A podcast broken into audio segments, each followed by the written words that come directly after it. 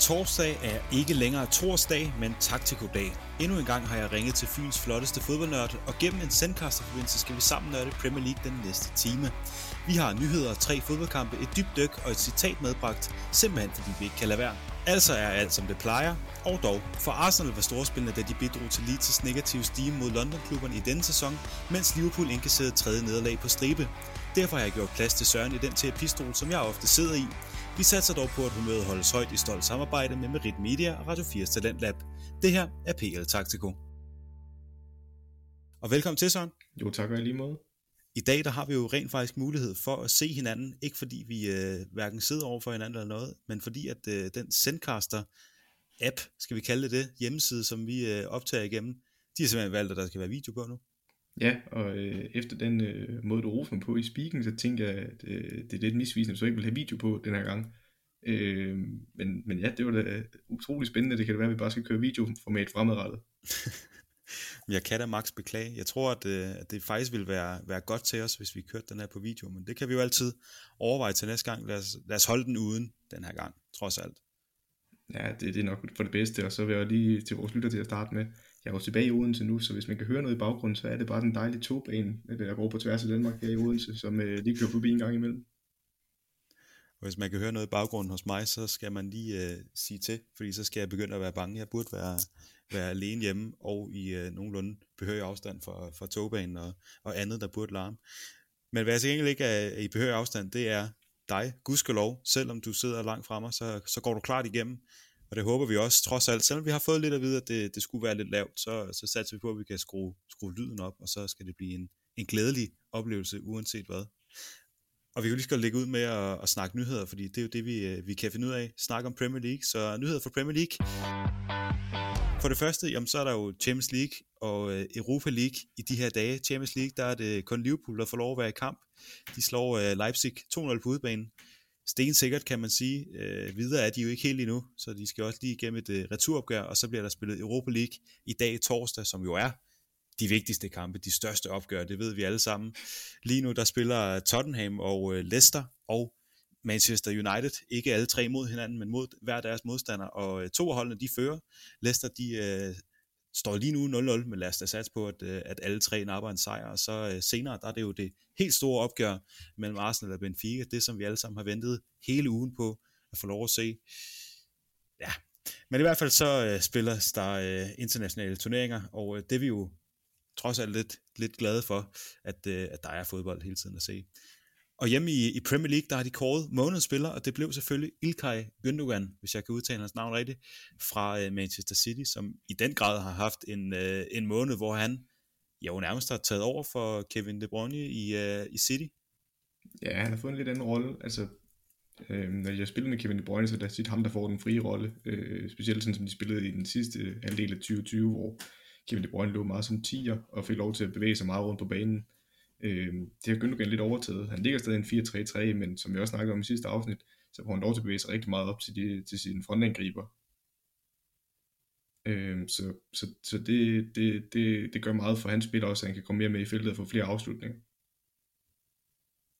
Ja, så har han jo lavet et, øh, et hav af mål, og også nogle assistister her, så øh, fuldt fortjent, må vi bare sige, det er for, for Gündogan, og så må vi se, om han kan, kan fortsætte den steam. Nu var øh, Kevin De Bruyne jo med på, på banen i går, da, da Manchester City de mødte Everton, så det kan være, at, øh, at han skal til at træde lidt øh, tilbage i skyggen, eller også så må de jo bare være, være to om at være kreatøren på, øh, på den her City midtbane. Der skulle nok være, være plads til det i hvert fald.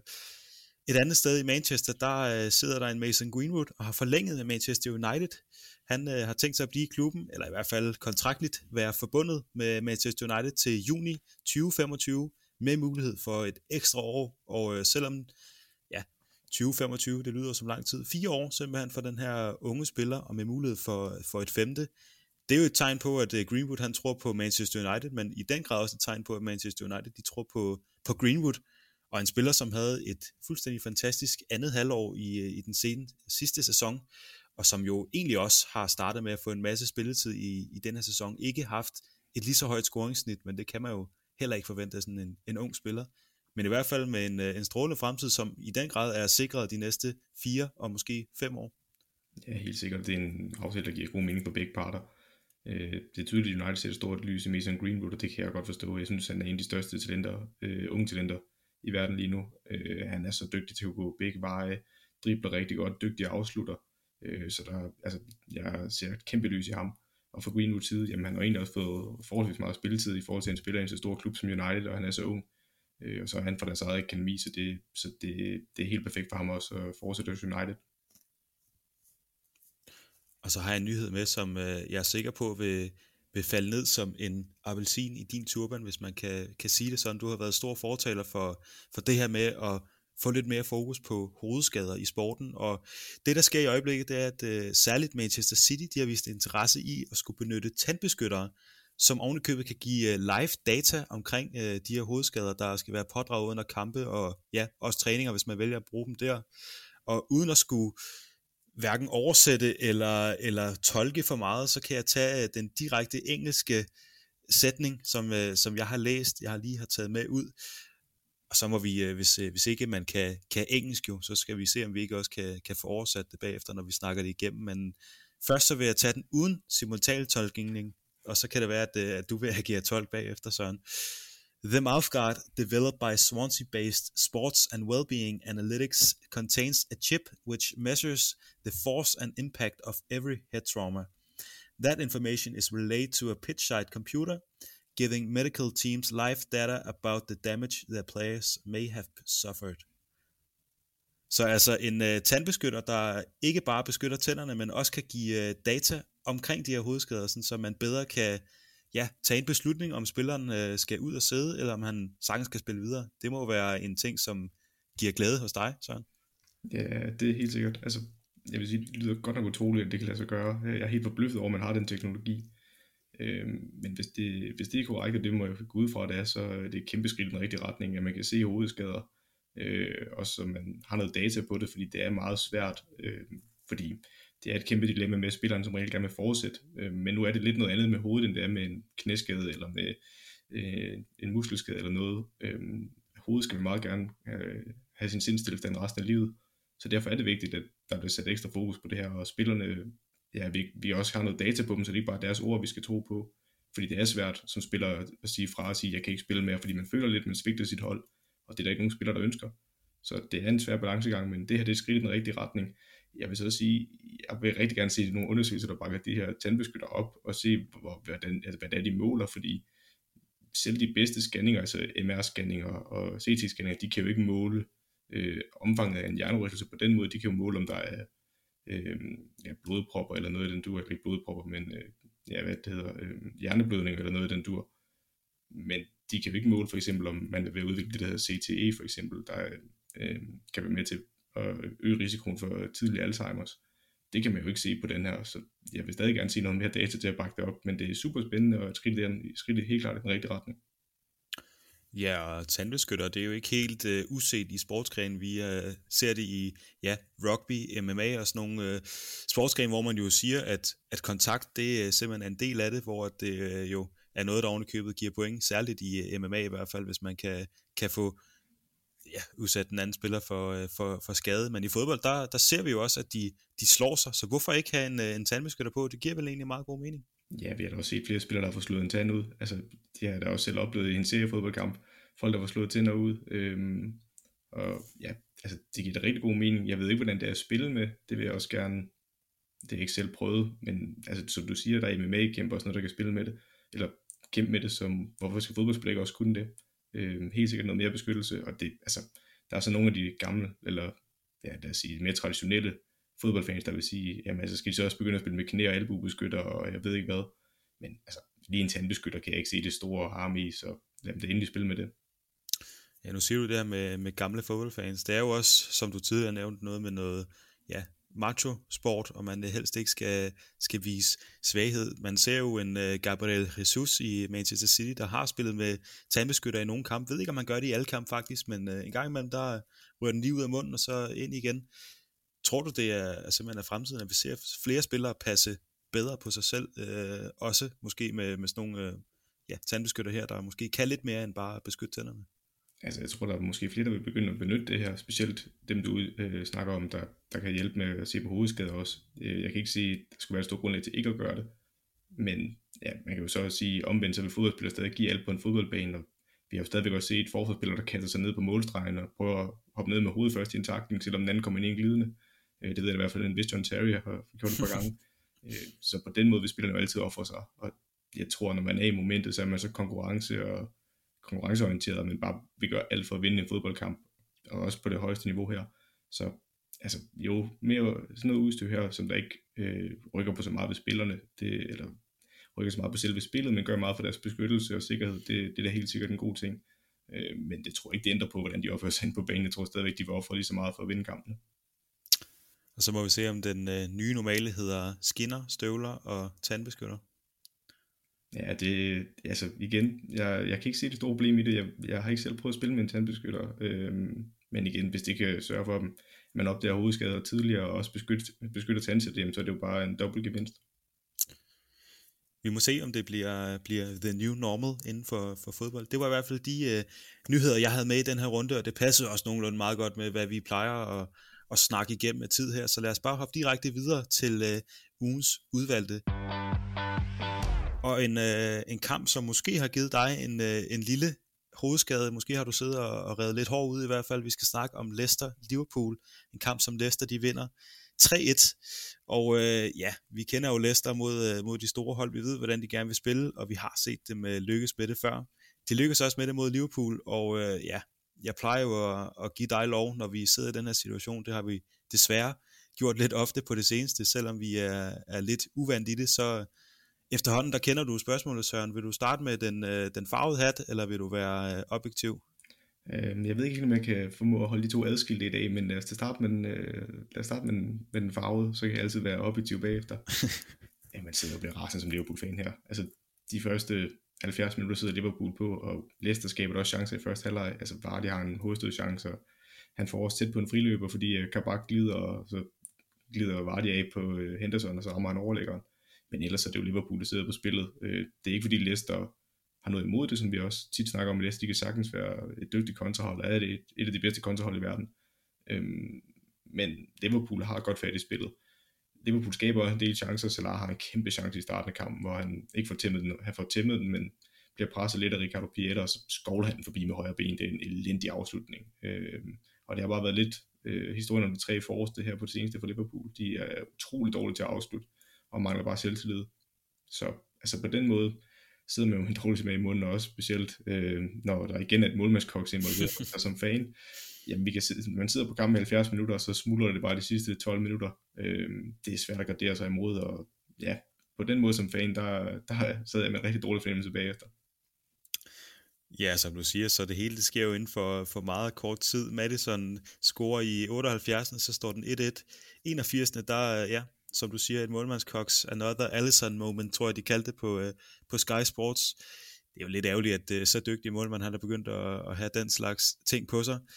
Og øh, Vardy har jo også en chance inden, har vi Barnes, han gør det til, til 3-1 i det 85. Så det hele det sker meget hurtigt, og øh, som du siger, jamen smuldrer mellem hænderne på, på Liverpool, og sådan som vi øh, kendte Liverpool i seneste sæson, så, så var det jo aldrig nogensinde sket, men øh, på det seneste, der virker det til, at at det hele det er lidt, lidt skrøbeligt i, i, i Liverpool.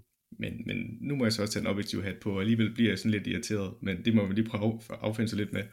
Øhm, hvis vi kigger på det på målene isoleret, så vil jeg for det første sige, øh, frisparket, som James Madison scorer på, der går så mange ting Leicesters vej i den situation, fordi jeg er helt med på, at der er kontakt på Harvey Barnes, men hvis man ser den i langsomt, så er det Thiago, der træder ind foran øh, Barnes, og jeg vil sige, at Barnes han gør rigtig meget for at komme ind på kontakten af Thiago. Han søger den ekstremt meget. Og det har vi også snakket om i sidste afsnit med både Salah øh, og Sterling, der får nogle tynde straffespark, men er korrekt dømt.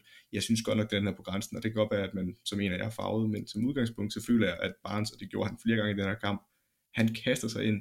Øh, jeg synes ikke, det, at det er ikke for, jeg mener, han filmer, men han kaster sig bevidst ind i et rum, hvor han godt ved, at han ikke kan komme igennem, og så opsøger han kontakten, og så bliver der tit dømt frispark der vil jeg så bare sige, hvis jeg er forsvarsspiller, og jeg har en kantspiller, der bare kaster sig ind i mig hver gang, hvordan skal jeg så nogensinde stoppe ham? Øh, så er det godt nok svært at være forsvarsspiller, fordi jeg mener jo, Thiago, han, det kommer til at se klods ud, men han træder ind, det er ikke fordi han vil spænde ben for ham, han træder ind for at lukke rummet, så der bliver en mindre afstand mellem ham og Trent, så han ikke kan løbe imellem Harvey Barnes. Øh, så jeg synes ærligt talt, det er lidt tyndt. og så igen, så gør det mig så sindssygt med var med offsider. Øh, igen, som vi har snakket om flere gange, så er det fint, de kan fjerne de åbenlyse fejl i fodbolden, men jeg forstår ikke, hvordan de måler den streg der. Øh, fordi jeg mener jo, at de er offside, og jeg synes ikke, at, som vi tidligere snakkede om, så de her teknikken, der er øh, til bare, fordi når den måler, at han sparker øh, Madison frisparket, det er igen en, der skal sidde med øjemål, og det er ikke på millisekunder, de kan måle, hvornår han sparker den bold, så der er allerede en usikkerhed der. Og den sidste ting er, at de kan ikke måle sig præcis. De siger jo selv, at de har en fejlmarkning i deres øh, varesystem. Så de dømmer offside så tæt på, når der i kampen bliver dømt, øh, øh, bliver dømt øh, offside jamen, af linjedommeren, så synes jeg, det er noget værd vås, at man sidder og måler på den måde bagefter.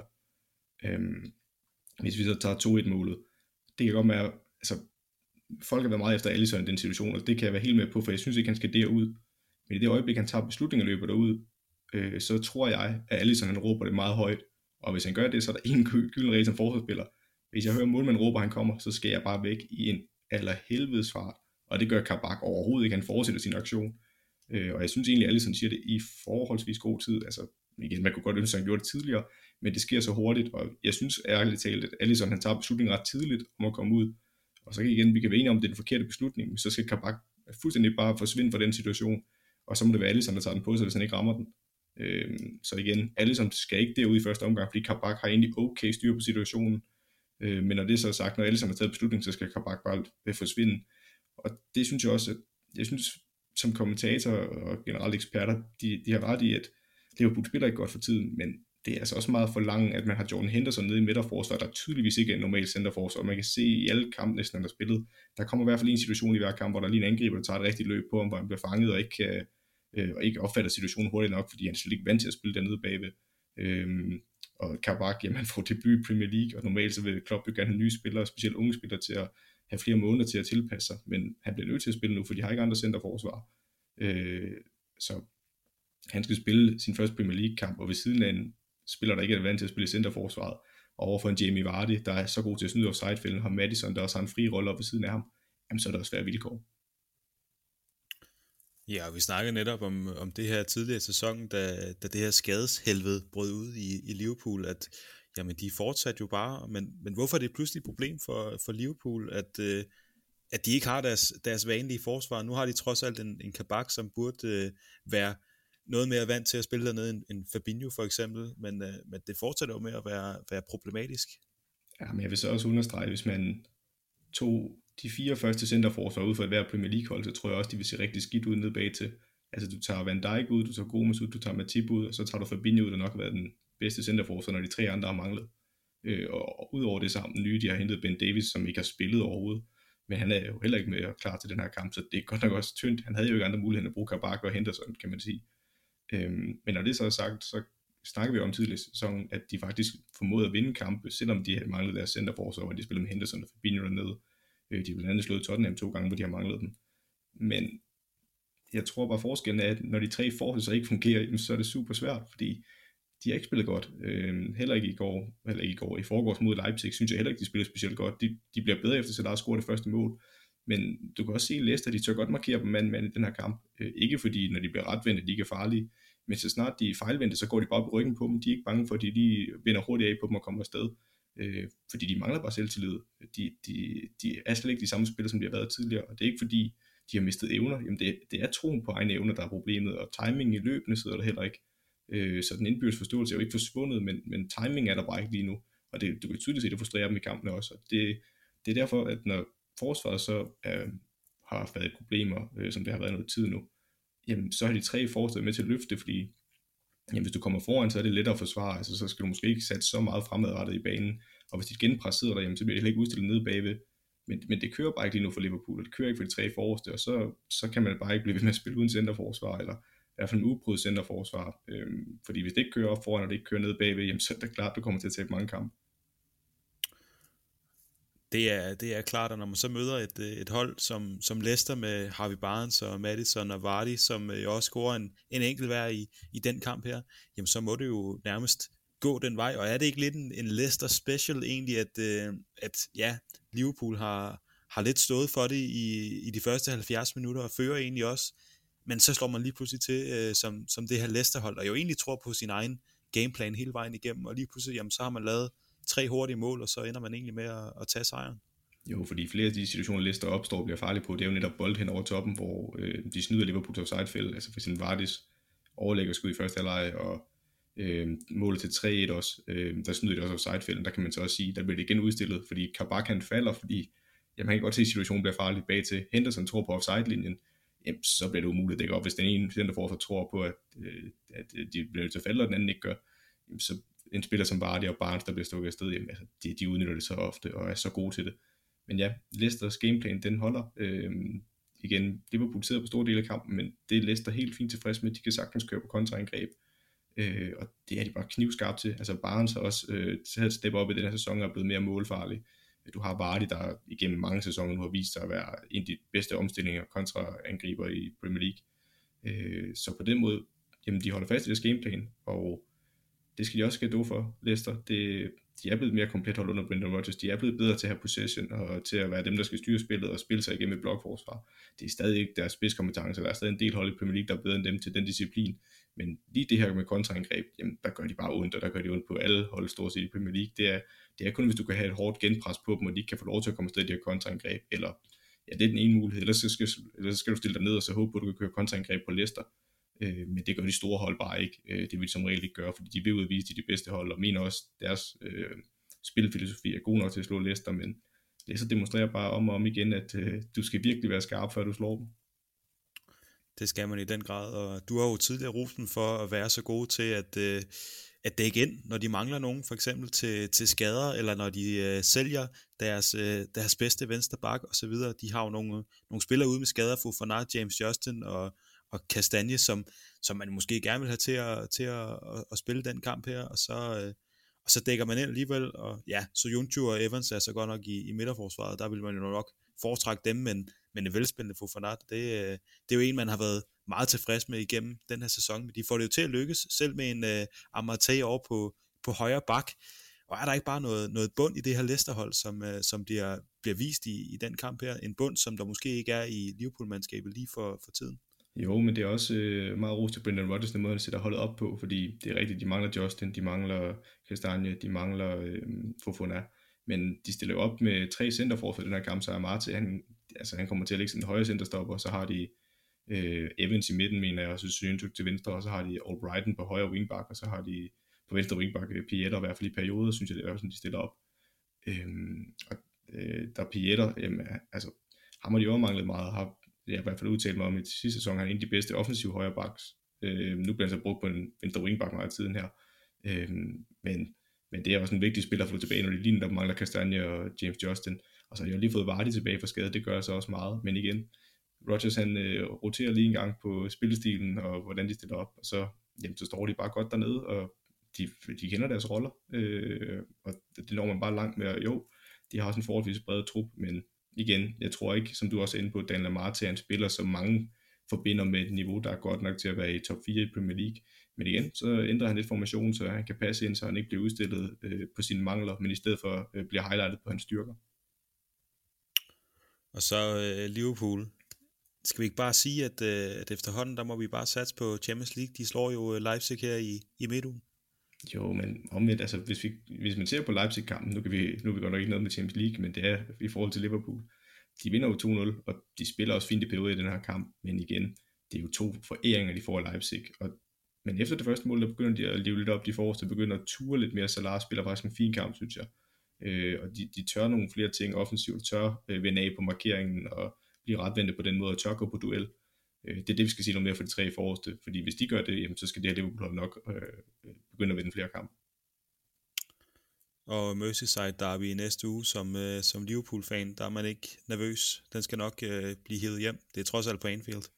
Ja, men jeg vil sige, det er et rigtig stærkt Everton-hold. Det er nok det stærkeste Everton-hold, vi har set i mange år. Øhm, så jeg vil ikke være så sikker. Øh, man kan også se, altså den første kamp, hvor de har Van Dijk øh, og Gomes med, jamen der, der er det en, en jævnbyrdig kamp, hvor jeg synes godt nok, Liverpool er bedst, men Everton er bestemt også med i den kamp. Øh, men det er ikke fordi, jeg sidder og er sikker på, at Liverpool kan vinde den overhovedet ikke i den forfatning, det er i. Øh, overhovedet ikke, men, men altså, igen, man kan godt være lidt flabet som Liverpool-fan og sige, at man altid går med en god fornemmelse til Merseyside Derby, men for første gang i mange år, der tror jeg også, Everton, de, øh, de, de vil føle i hvert fald, at det ikke, hvis ikke den er 50-50, så er den i hvert fald deroppe af, måske mere end 60-40, øh, og det har man ikke kunne sige i mange år. og en øh, stensikker, og du kan ikke se det, fordi jeg har slået kameraet fra, og lytterne kan i hvert fald slet ikke se det, men i godsøjne en stensikker 3-1 sejr til, til Leicester i, i det her opgør.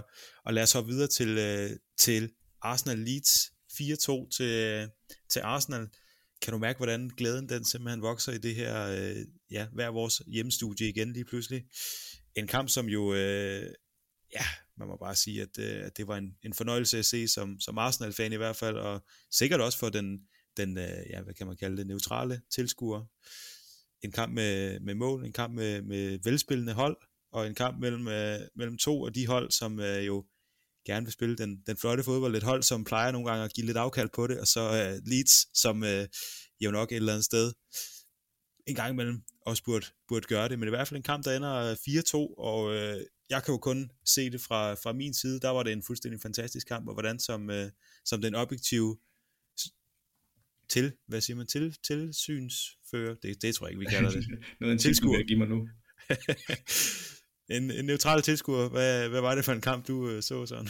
Øh, jeg synes faktisk, det var en rigtig fed kamp. Øhm, igen, jeg tror også, jeg var lidt øh, farvet på forhånd i og med, at øh, du havde jo reklameret, at du var i gang med at se den for anden gang.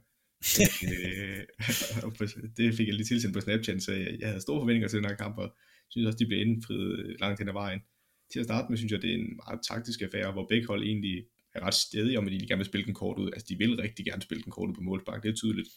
Øh, problemet er bare lidt, at begge hold har læst hinanden rigtig godt og står enormt højt, specielt på målsparken er det tydeligt, at øh, både Leeds og Arsenal de prøver at benægte hinanden muligheden for at spille kort ud i opbygningsspillets fase 1 på målsparkene.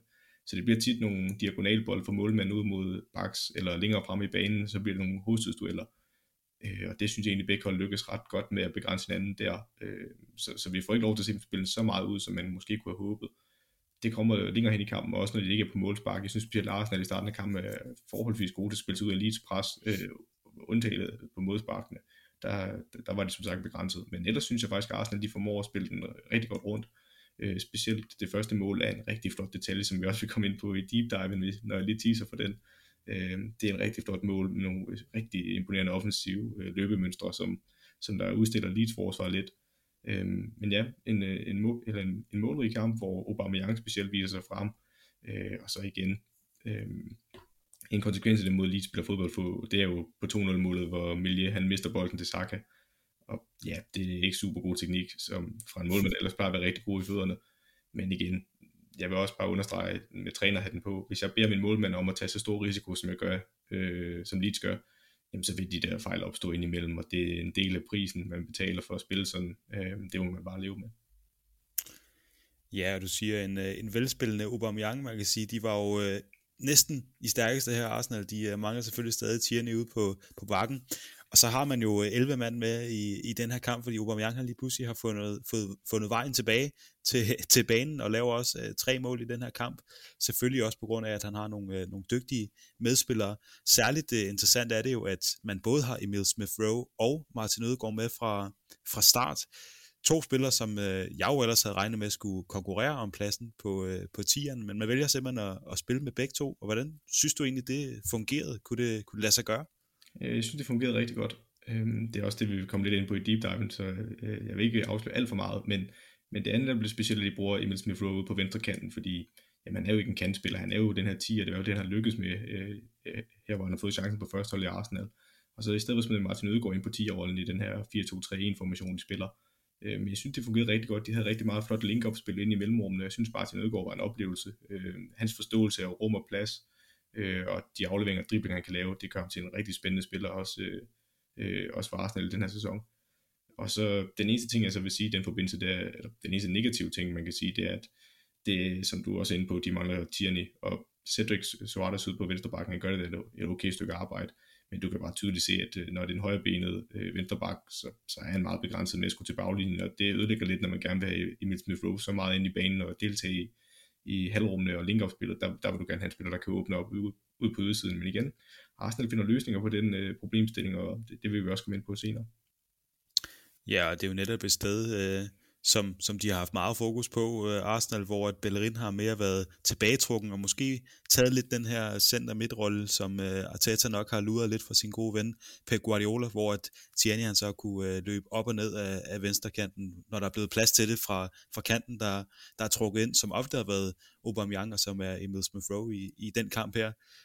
Og også noget, vi har set i, i Leicester, når de har haft højrebenet venstre baks, det er jo... Øh, det bliver bare en, øh, en hindring. Og en hindring var der også på, øh, på Leeds-mandskabet, fordi at øh, Arsenal, jamen de havde jo alle deres store stjerner til rådighed, på nær Tierney selvfølgelig godt nok.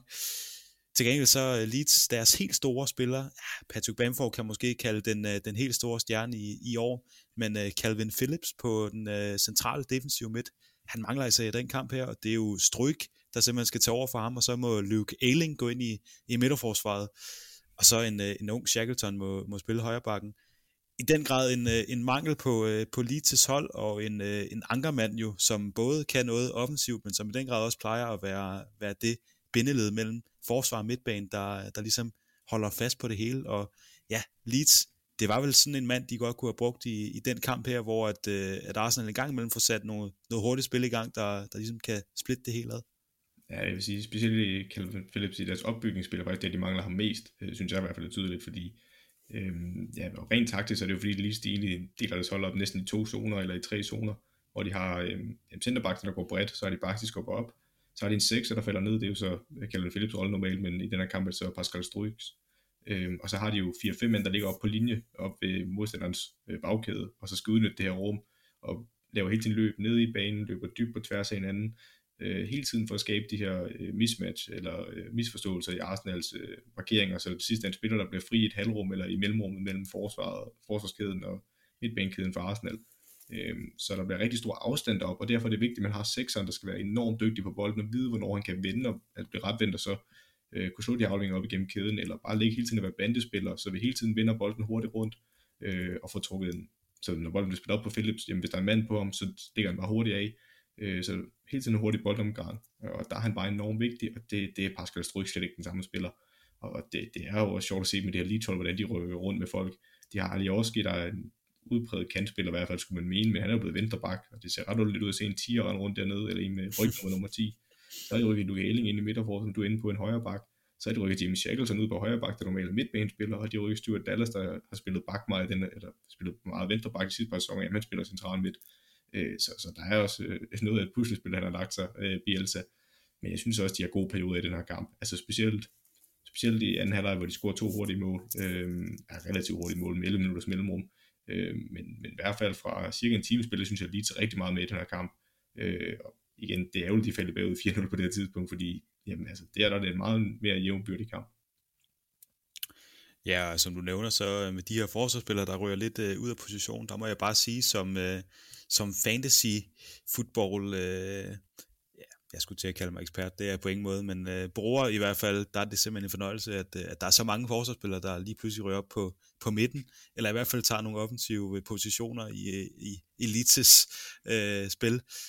Det giver altså bare ekstra point, det, det må jeg sige. Der må jeg lige komme med en indskudt bemærkning, for der, det har min roommate jo også opdaget med Stuart Dallas, at han står noteret som øh, forsvarsspiller men øh, uh, midtbanespiller. Jeg kan fortælle dig, at der var ikke god stemning, da han i det 95. eller 96. minut laver et øh, frispark midt på banen øh, for en advarsel, øh, når de er bagud 4-2. Øh, så ja, det, det er bare lige mit indspark til fantasyfodbolden. Der havde jeg jo stryk på mit hold, og der må jeg sige, at den allerede stod 4-0, jamen der gjorde det mig ikke særlig meget. Han lige nettede en basse ind, men øh, det må vi ikke sige til, til nogen, at vi sidder og håber på, at, øh, at modstanderne scorer. Men en, øh, en mand, som i den grad fik øh, scoret, som vi også har nævnt, Aubameyang, tre mål, har jo brugt meget tid nu på, øh, på venstrekanten her. Nu spiller han øh, oppe centralt. Der er mange, der siger, jeg kan bedre lide, at han spiller, spiller centralt. Det er jo lidt sådan en, en smagsag, om man bedst kan lide, at han kommer ud fra kanten, eller, eller ligger inde i midten, og når han scorer tre mål her, så er det selvfølgelig også lidt oplagt, øh, hvad svaret skulle være. Men kan du egentlig bedst lide ham, når han spiller inde på midten, eller når han kommer ud fra kanten af? Jamen, det er som om, du har læst min deep dive på forhånd jo. Øh, ja, men altså, skal vi så ikke bare gemme det? jamen, altså, jeg kan godt lige igen bare kort sige, øh, hvorfor, hvorfor udelukker det ene det, det andet, øh, så må vi lade den ligge der. Kom med det. Jamen, altså, det er jo, det er jo fordi, at i den her kamp, der står han øh, korrekt noteret som angriber, men fordi de har Emil Smith Rowe ude i venstre side, jamen, så, øh, så får han også lov til at bevæge sig lidt ud på kanten, og øh, det vil vi også se et eksempel på senere. Så er der jo øh, endnu en øh, cliffhanger, vi kan, kan holde os fast i. Og lad os egentlig bare øh, lukke den her kamp med det, og så sige, at hvis man skal gense en, øh, en kamp for den her runde her, jamen skal det så ikke være Arsenal Leeds? Og det vil jeg sige, øh, det var en rigtig fed kamp, og øh, igen, hvis man rigtig vender taktik og detaljer, så er der også nogle fede momenter i den her kamp, øh, men, men også bare som neutral tilskuer og som fodboldelsker, jamen, der var offensiv fodbold for begge hold, der gerne vil ud og spille fodbold, og sådan en kamp, det, det er jo nogen, der står vores øh, hjerte meget nært, så jo, øh, hvis man endelig skal se en kamp igen, så tag over og se den. Og hvis ikke man har halvanden time, så kan man bare lige finde uh, Ceballos' assist til Bellerin på 3-0-målet. Ja, og i den samme situation kan man også lige se Sakas dribletur. Øh, han spillede en enorm god kamp, og ja, holdt op en spiller. Det er jeg jo glad for, at du siger, og ikke, øh, jeg ikke er nødt til det. Så lad os, øh, lad os afslutte kampen på, på den note, og så lad os hoppe videre til den sidste i den her omgang, som er Chelsea og Newcastle. En kamp, som Chelsea vinder 2-0 efter øh, både mål og, ja, de kalder det en assist til Timo Werner, men øh, hvis vi skal være flinke, så, så giver vi ham den. Men i hvert fald øh, 2-0 til, til London-klubben over Newcastle, som ellers har været et, et svært hold jo egentlig at møde, når man, når man har den, det udgangspunkt, som, som Chelsea jo gerne tager med at, og gerne vil spille offensiv fodbold, og vi har også snakket om tidligere, at de måske har lidt svært ved at, øh, ved at åbne de her defensive hold op. Så får man altså Thomas Tuchel ind, og lige pludselig, jamen så, øh, så vinder man jo stensikkert 2-0 af Newcastle, eller er der lidt flere, øh, ja, hvad kan man kalde det, er der lidt flere aspekter i, i det? Nej, eller jo, det er der, men... men nej, det er bare at hente ham. Så går vi bare videre til deep dive. Nej, ja. øh, rent, øh, rent groft sagt, så nej, øh, så er der egentlig ikke med i det. Altså, Chelsea er det bedste hold i den her kamp. Øh, det er der ikke noget, der kan diskutere, så jeg synes også, at det gør mange ting rigtigt. Øh, øh, men, men det er også meget den måde, Tuchel har sat holdet op på, der gør, at de lykkes med de her ting. Altså, for eksempel, han har skiftet over til at spille med tre mand nede bagved og spille med wingbacks. Det har også gjort enormt meget mod de her hold, der står lavt i banen, fordi de formår at udnytte rummene på helt andre måder, end når de har spillet 4-3-3, øh, hvor de har løbet lidt med panden mod muren, øh, selvom jeg også har rost øh, Frank Lampard Chelsea i perioder, hvor de også formåede at lukke hold op, men øh, jeg synes, det er Tuchel skal spille her ros for, det er jo, at, som mange også nævner korrekt om ham, han er meget taktisk fleksibel, og han gør meget for at få sit hold til at indordne sig, eller få sin taktik til at indordne sig over det materiale, han har, øh, og det kan jeg godt uddybe. Øh, jamen for eksempel ser vi Andreas Christensen spille som den centrale forspiller i den her tremandsbagkæde, og det har bare ikke klædt ham på samme måde at spille øh, en øh, firemandsbagkæde. Det er meget simpelt egentlig. Andreas Christensen har ikke en spidskompetence i sin fysik. Øh, hverken, øh, han er ikke specielt øh, ja, muskuløs eller stor. Han er ikke kendt for at vinde hovedstødstøtter på den måde, og han er ikke sådan vanvittig hurtig centerforsvar. Så på den måde, der skal han beskyttes lidt af nogle andre typer spillere rundt om sig. Fordi hans spidskompetence ligger jo i opbygningsspillet i, han er rigtig god på bolden, teknisk dygtig, ser os banen rigtig godt, er god til at slå de aflænger op gennem kæderne, jamen så skal han jo Øh, det skal vi jo prøve at udnytte, øh, hvis man er Chelsea-manager, og det er jo det, han gør her, Tuchel ved at basere ham i en tremandsbagkæde, øh, eller med tre centerbacks. Så har man på venstre side, der har man Rydiger. Jamen ved Rydigers forsvar, jo Rydiger, han er rigtig god i duellerne, han er fysisk stærk, øh, også øh, forholdsvis dygtig i hovedspillet, og også en okay fodboldspiller øh, nede på tæppet. Så det passer ham rigtig godt til at skulle som øh, en af de brede centerforsvar. Og specielt Cesar Aspilicueta, jamen, altså hans storhedstid i Chelsea var jo under Conte, hvor de spillede med en tremandsbagkæde, hvor han netop blev som en højre centerstopper.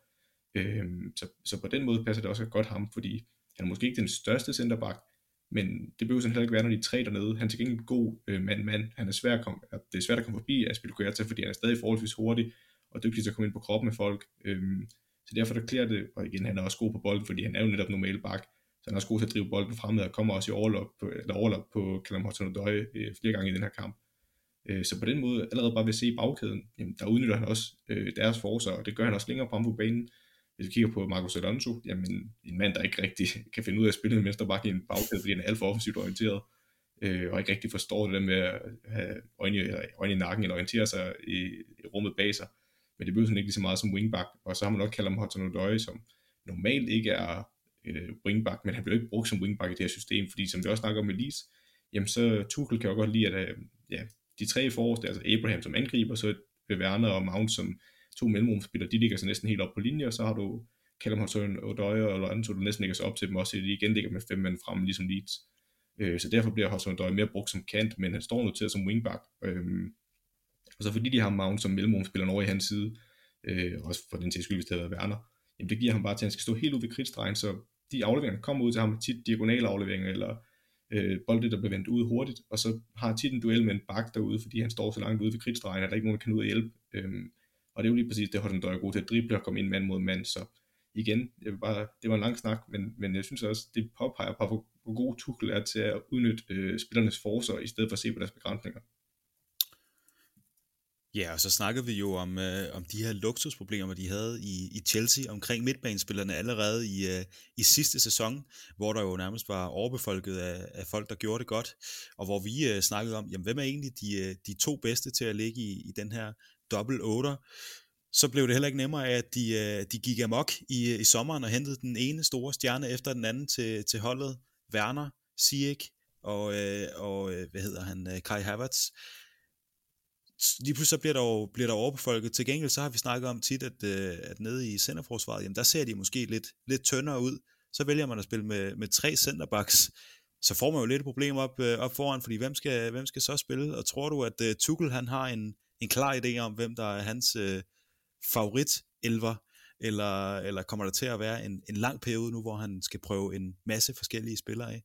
Jeg skal nok lige vende tilbage til spørgsmålet med elveren, men, men bare lige sådan rent numerisk, fordi det er lidt en sjov tankeleg, når man sidder og kigger på det, eller måske bare mig, der synes, det er en sjov tankeleg, men det kan jeg i hvert fald sidde og tænke over som træner, det er, øh, hvordan får vi flest mulige, når vi spiller mod et hold som Newcastle for eksempel, der står med et blokforsvar, står lavt, hvordan får vi bedst muligt, eller for, hvordan får vi flest mulige offensive spillere på banen, uden det begrænser os defensivt, og hvor mange kan vi tillade os at sende frem, samtidig med, at vi har et retsforsvar, der skal kunne beskytte os. Og det er jo den her numeriske leje, jeg snakker om, det er, jamen du siger, at de bruger tre centerforsvar i den her kamp, men hvis du kigger på papiret, hvor mange forsvarsspillere vil du så påpege, der er på det her hold i startelveren? Jamen der er jo Aspilicueta, Andreas Christensen, Rydiger og Alonso. Eller Monson Døj vil jeg jo ikke kalde for en, en, en forspiller, og Alonso vil jeg også begrænse, meget begrænset forspiller. Jo, du kan sige, at der sidder en masse offensive spillere på bænken, men det vil der gøre alt. Det vil der gøre, de kan jo ikke spille med 11 offensive spillere, så vil det nok først gå galt. Bare spørge Liverpool uden øh, nogen centerbacks.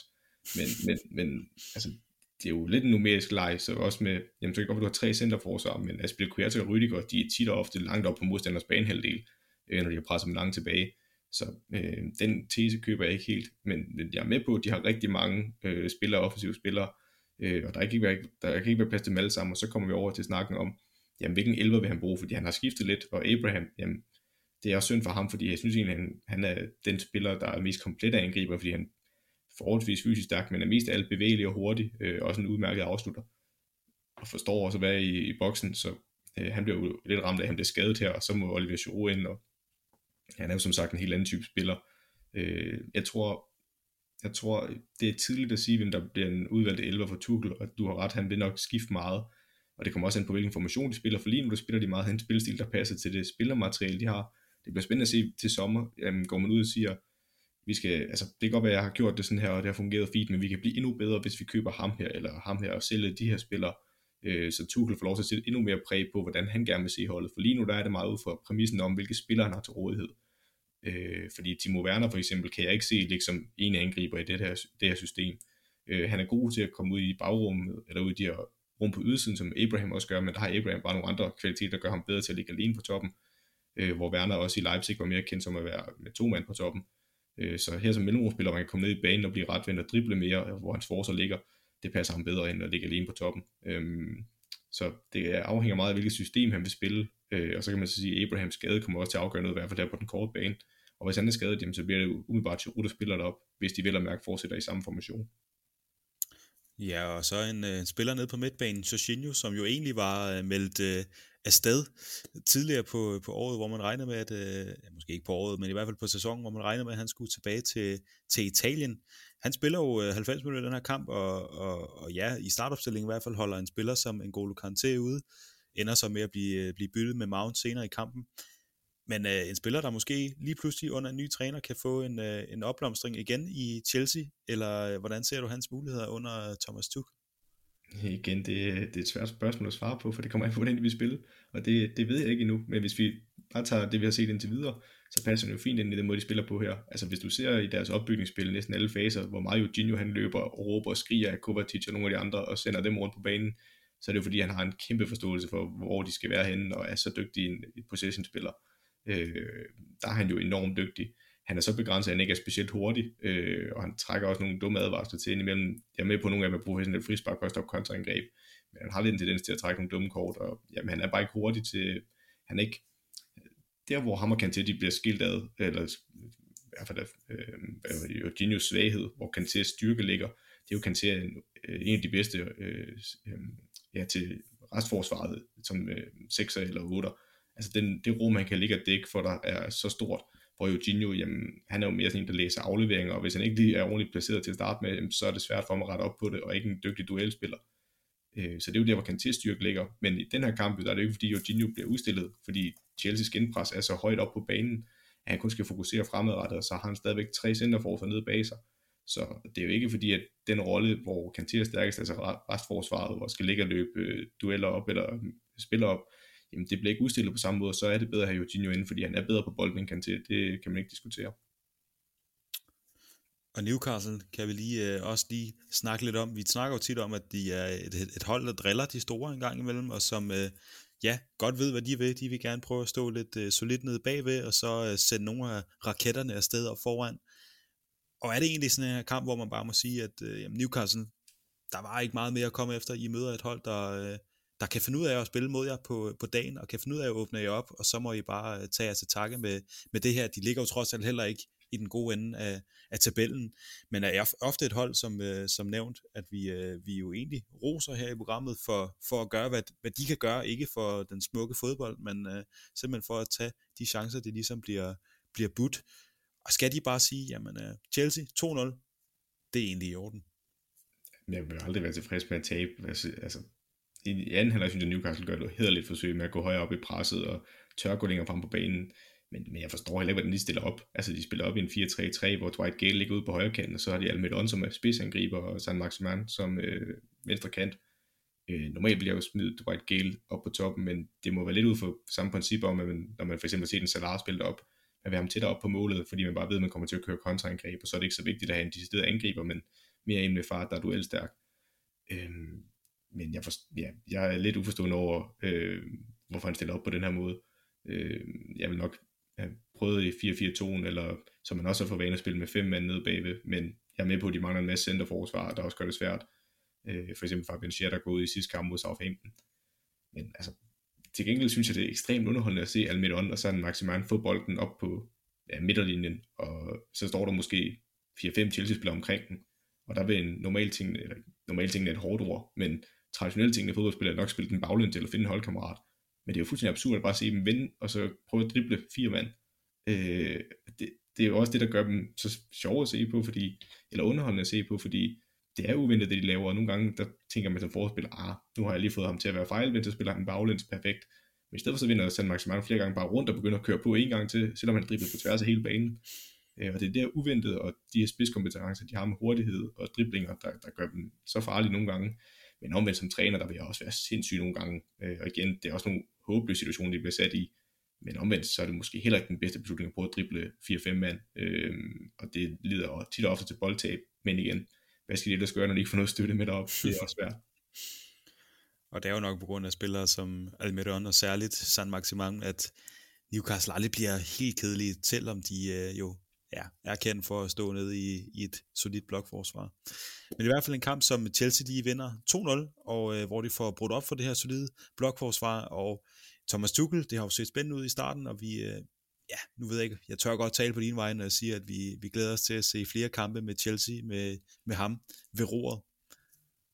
Ja, helt sikkert. Altså, jeg, jeg, jeg er meget fascineret af ham som træner igen. Der er nogle andre ting omkring ledelse og sådan noget, hvor man måske ikke, han har i hvert fald haft sine problemer, både i PSG og i Dortmund, men, men rent sådan øh, taktisk og fodboldforståelse, der er han ekstremt dygtig.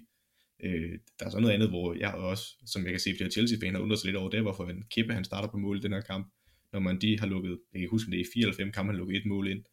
Øh, men ja, han stod kopkampen, kæppe, og nu får han chancen, og det er lidt et redemption-projekt for Chelsea at få ham i gang igen, fordi han koster altså 70 millioner pund eller i den omegn. Øh, så det er også bare mange penge bare kastet ud af vinduet og sige, at han, ham kan vi ikke bruge mere.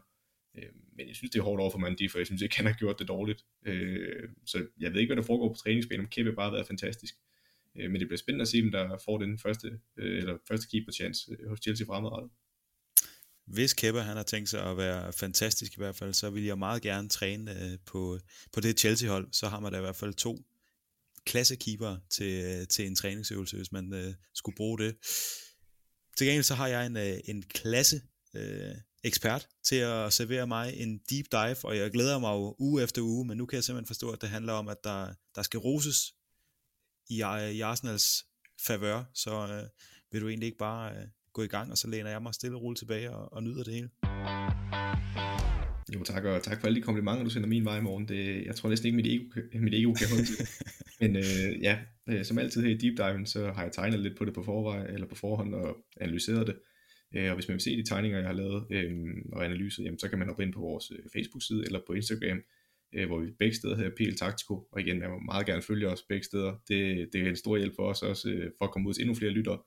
Øh, men hvis man ikke har mulighed for at følge med ind på Facebook øh, eller på Instagram, så kan man også sagtens bare lytte med her, skal jeg nok forklare det. Det vi skal se på i dag, det er målet til 1-0 for Arsenal, fordi som Morten også var inde på, jamen det er lidt specielt, de spiller med Emil Smith Rowe ude på venstre kant og Aubameyang på top, og hele den her snak om, specielt som Arsenal-fan, man har siddet, skal Aubameyang spille på top, eller skal man spille til venstre? Jeg kan så, som jeg også afsløret lidt, øh, man får lidt det bedste, eller det bedste af begge verdener her. Men først og fremmest kigger vi på de to startopstillinger.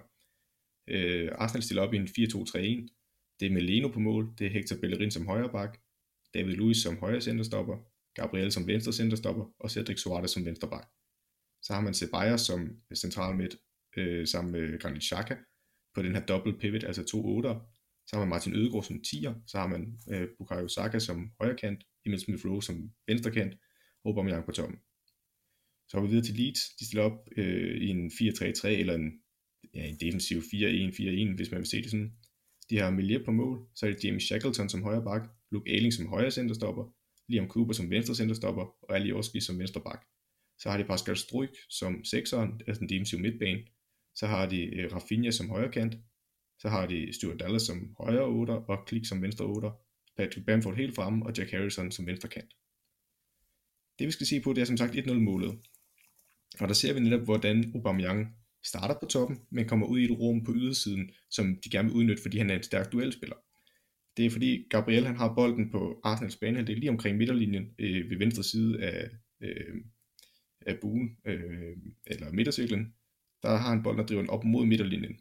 I det han begynder at drive den fremad, der går Aubameyang, der ligger op på linje med Leeds bagkæde. Han søger ned i banen, øh, bare lodret ned i banen.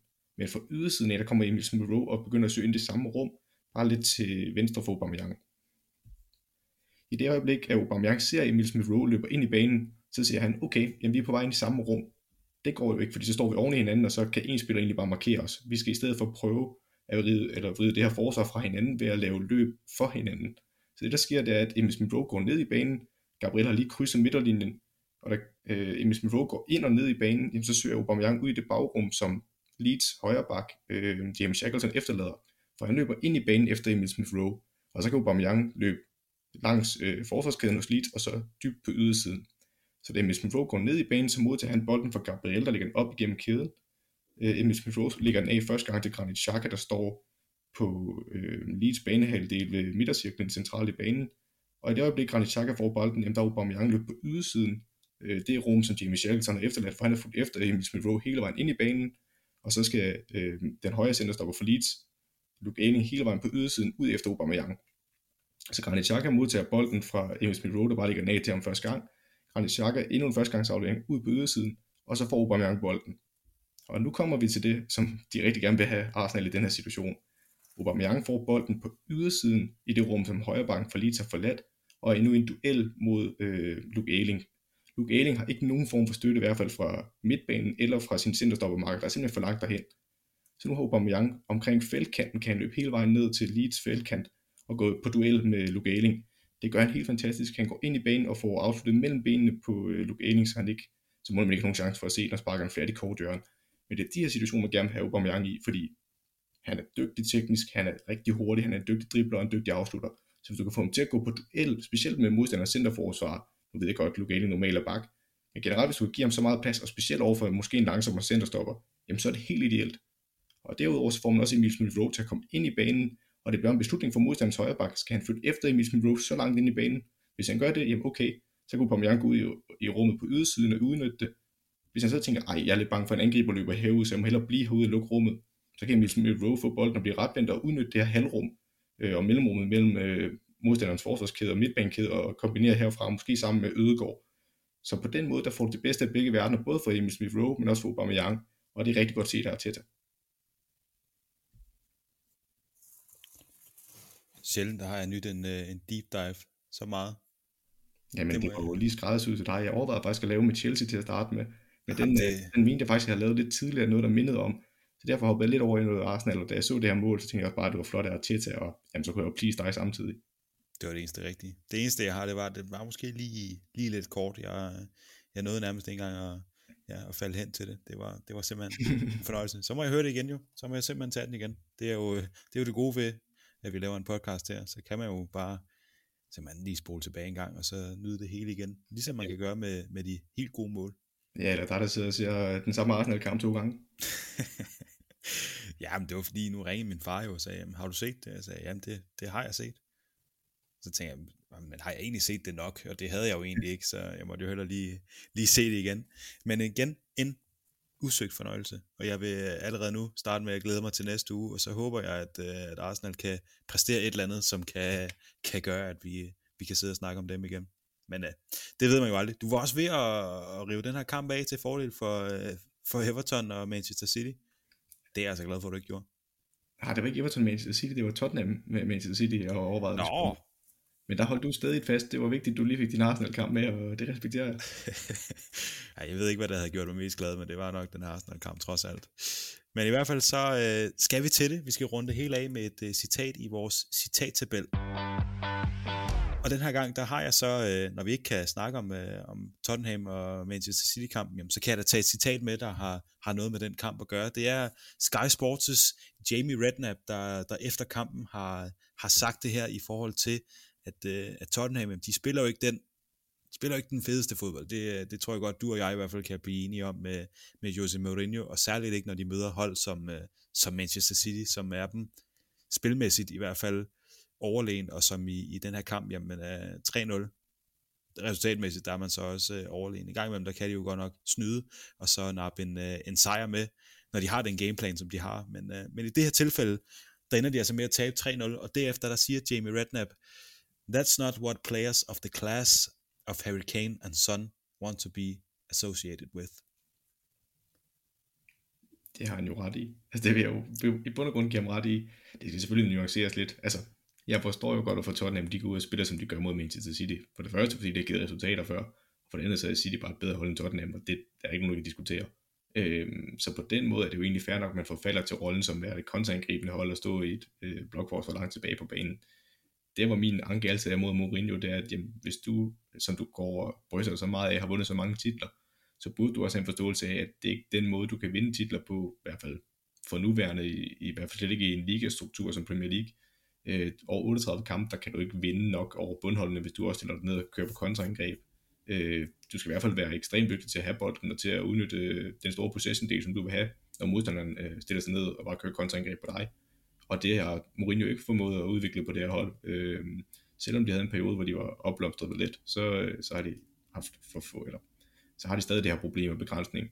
Så jeg forstår godt, hvorfor spillere som, nu er det ikke sikkert, det er sådan, de har det, men det kan jeg godt forestille mig, som Redknapp også siger, jeg kan godt forstå, hvis de bliver frustreret over at skulle stå og forsvare det meste af en kamp, og så køre kontraangreb en gang imellem.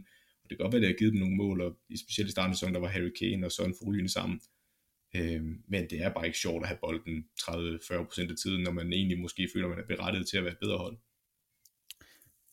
Men altså, Harry Kane og Son, de er jo de øh, ubestridt største stjerner på det hold der, og vi snakker jo tit om, at jamen, alle bolde går igennem enten Harry Kane eller Højmin Son. Øh, ja, 3-0, det, det gider man selvfølgelig ikke være associated med, men altså at være den uh, ubestridte stjerne og, og være den, som, som altid får bolden. Vi kan godt huske uh, dem, vi spillede sammen med i, i, i de mindre årgange, som, hvor man tænkte, jamen giv den til Markus, var det i vores tilfælde i Suso, jamen så skal han nok uh, skabe et eller andet, uh, score et mål selv, eller sætte noget, noget andet op. Et eller andet sted, så vil man jo gerne være den der stjerne der, som bare lige uh, er den, der altid tager overskrifterne, når, når holdet spiller, eller hvad? Er det, når du taler af egen erfaring, Morten, at du, at du gerne vil være den spiller, der får bolden hele tiden og dribler og er stjernen? Jeg ville sgu gerne have været Markus, det må jeg sige. Altså, han, han skulle lige pludselig spille med dem, der var ældre, fordi han var så god. Det, det, det var da egentlig meget fedt. Ja, men, men jeg kan godt forstå, hvad du mener. Altså, det, alle spillere vil jo gerne være dem, der er i fokus. Øh, I hvert fald de fleste spillere, og Harry Kane og Son skal jo med rette være det, man bygger meget spillestil omkring. Nu snakker vi meget med Tuchel øh, i Chelsea, der udnytter sine spillers forser. Og det kan man også sige, det Mourinho gør, fordi de er så dygtige kontraspillere. Omvendt, så kommer Kane utrolig langt væk fra målet, når han skal ned i banen, og vi har også snakket om, hvor god aflevering han slår. Øhm, men, men jeg tror bare, at spiller som Harry Kane, han er jo igen Tottenham-dreng i rigtig mange, igennem rigtig mange år, altså øh, elsker Også det. Arsenal lidt dreng igennem nogle år, vi nok skal erkende. Du er meget hård ved Tottenham-fans i det her afsnit. Jeg kan allerede mærke en, en, en storm af, af vrede Tottenham-fans også. Men, Arh, men, det bør de jo nærmest være efter hvert afsnit. Det må jeg nok også erkende. Der må jeg kigge ind og sige, jeg er ikke, jeg er ikke flink med dem. Jeg, ikke. altså, jeg kan da godt forstå, hvis en spiller som Kane bliver frustreret og sige, at det kan godt være, at jeg spiller så godt og scorer så mange mål, men hvor er vi henne som klub? Altså, hvor er vi på vej hen? Er vi på vej det rigtige sted hen? Øh, og det føler jeg ikke, øh, man er. Man er ikke kommet tættere på top 4, efter Mourinho kommet til. Øh, og man er heller ikke kommet tættere på at vinde store trofæer. Øh, nu kan godt være, at man vinder en kopturnering, men det er også en anden diskussion, om, om man er tilfreds med at vinde kopturneringer, eller om man øh, vil ligge fast i top 4 og kæmpe mere om det engelske mesterskab, fordi det kan jeg ikke forestille mig, at man kommer til fast under Mourinho. Øhm, så på den måde, der vil jeg jo sige, jeg, kan, jeg, jeg er faktisk meget enig med Redknapp, og så kan godt være, at Kane og Son har store roller på det her hold, men det vil de også have på et andet hold, fordi de er så dygtige fodboldspillere. Øh, så jeg kan godt forstå, hvis de bliver frustreret over det her, og jeg synes, det, jeg synes, det er meget godt citat. Så jeg kan simpelthen fornemme, at vi skal op i, i, den, i den gode ende, men øh, kan du allerede sådan nu, for der ligger jo et par stykker derop, tror du, vi skal, vi skal lidt højt op, eller skal vi starte fra bunden, og så prøve at bevæge os lidt? Jeg tror, vi skal derfor bunde og bevæge os lidt, fordi jeg kan jo, altså igen, jeg kan godt forstå, at Tottenham-fans også bliver frustreret over, at man snakker om Harry Kane og sådan deres bedste spillere på den her måde, øh, fordi igen, de elsker også klubben, det er jeg slet ikke i tvivl om, og har været glad for den tid, jeg har haft i klubben. Men, men jeg tror bare også, de vil blive frustreret over den her spillestil før eller senere, øh, specielt når den ikke giver resultater, fordi det er den eneste måde, du kan retfærdiggøre det på. Jamen så det første vi møder, det er Gündogan, der mener, at uh, Romelu Lukaku, han er den mest undervurderede spiller i hele verden. Ja, det synes jeg, det citat er bedre. Så har vi Roy Keane, der, øh, der stikker lidt til Arsenal og siger, at han tror, de, er, de, de skal nok være gode nok til at, til at blive i uh, Premier League. Jeg synes, det er citat er bedre. Det er bedre. Jamen så har vi uh, Jamie Carragher, der mener, at uh, Harry Kane han er den anden bedste til at lægge uh, dybe afleveringer lige efter uh, den gode Kevin De Bruyne. Ja, jeg er af at sige det, men jeg synes faktisk stadig, at det citat er bedre. Den er bedre. Jamen så har vi uh, Bernd Leno, der siger, at, uh, at spillerne simpelthen er de eneste, man kan blame for, at, øh, ja, at det gik, vil jeg nærmest sige, dårligt i, øh, i Arsenal på det tidspunkt, hvor vi havde det citat her. Og det synes jeg alligevel, det er stort alene, at øh, han tager ansvar på den måde, så lige under den. Så placerer vi den der. Lige over øh, Jamie Carragher og lige under Bernd Leno. Det er også et, et, et, øh, et flot sted at havne for den gode Rednap. Så lad os øh, placere den der. Og så har jeg egentlig sådan lidt, lidt ekstra citat, nu hvor at, øh, at vi alligevel er ved det. Og det er egentlig ikke noget, vi skal gå særlig meget i dybden med. Det er, det er bare fordi Jamie Redknapp, han siger også, Harry Kane must be thinking, if I played in that city side, how many goals would I get? Og det er måske sådan lidt meget sjovt uh, tankeeksperiment lige at, at kaste op til dig også. Ja, men igen, det er jo, det er jo sådan en kommentar, man kan lave totalt fra, øh, uden nogen form for regning, fordi det finder vi nok aldrig ud af. Øh, igen, jamen, altså Kane vil da ved at lysene op over, at øh, man har bolden højere op på modstanders banehalvdel, så han kan komme tættere på mål. Det ved også, at mange flere dygtige spillere omkring sig, for City har bare en bedre trup end Tottenham. Og specielt offensivt har de rigtig mange dygtige spillere, så øh, det vil nok betyde, at han kan få nogle flere chancer, men omvendt så vil det vil nok ikke se ham på samme måde være, altså han vil stadigvæk være en verdensklasse angriber, en af de bedste angriber i verden, det er ikke det, jeg siger. Men han vil ikke få lov til at gå ned på samme måde, være den her spiller, der falder helt ned i banen og får de her dybe afleveringer, fordi det er ikke den måde, City spiller på. Øh, så man vil tage en aspekt væk øh, fra ham, men omvendt så vil man også få mere op i boksen, så øh, det kan godt være, at han vil få nogle flere chancer, det, det, det vil han nok, men med igen, man vil tage andre facetter væk af spillet, som man også er dygtig til. Øh, men ja, som angriber, der tror jeg, at Kemi vil være glad for at få endnu mere service. Han kan jo glæde sig over, at han spiller med, med nogle af spillerne, trods alt på landsholdet, Sterling og, og Phil Foden og så videre. Hvad jeg også er glad for, det er, at, øh, at vi simpelthen umiddelbart har den øh, bedste timing i hele verden. Den er nemlig et minut i, uh, i 9. Det vil også sige, at den er et minut i, at Arsenal de, uh, skal banke Benfica på, uh, på deres bane. Så uh, jeg vil simpelthen bare sige tak til Merit Media, og tak til Radio 4's Talentab, og så uh, tak til dig, Søren. Selv tak, morgen. Og tak til jer, der lytter med. Og ja, torsdag klokken 9, så lad os bare sige rigtig god weekend.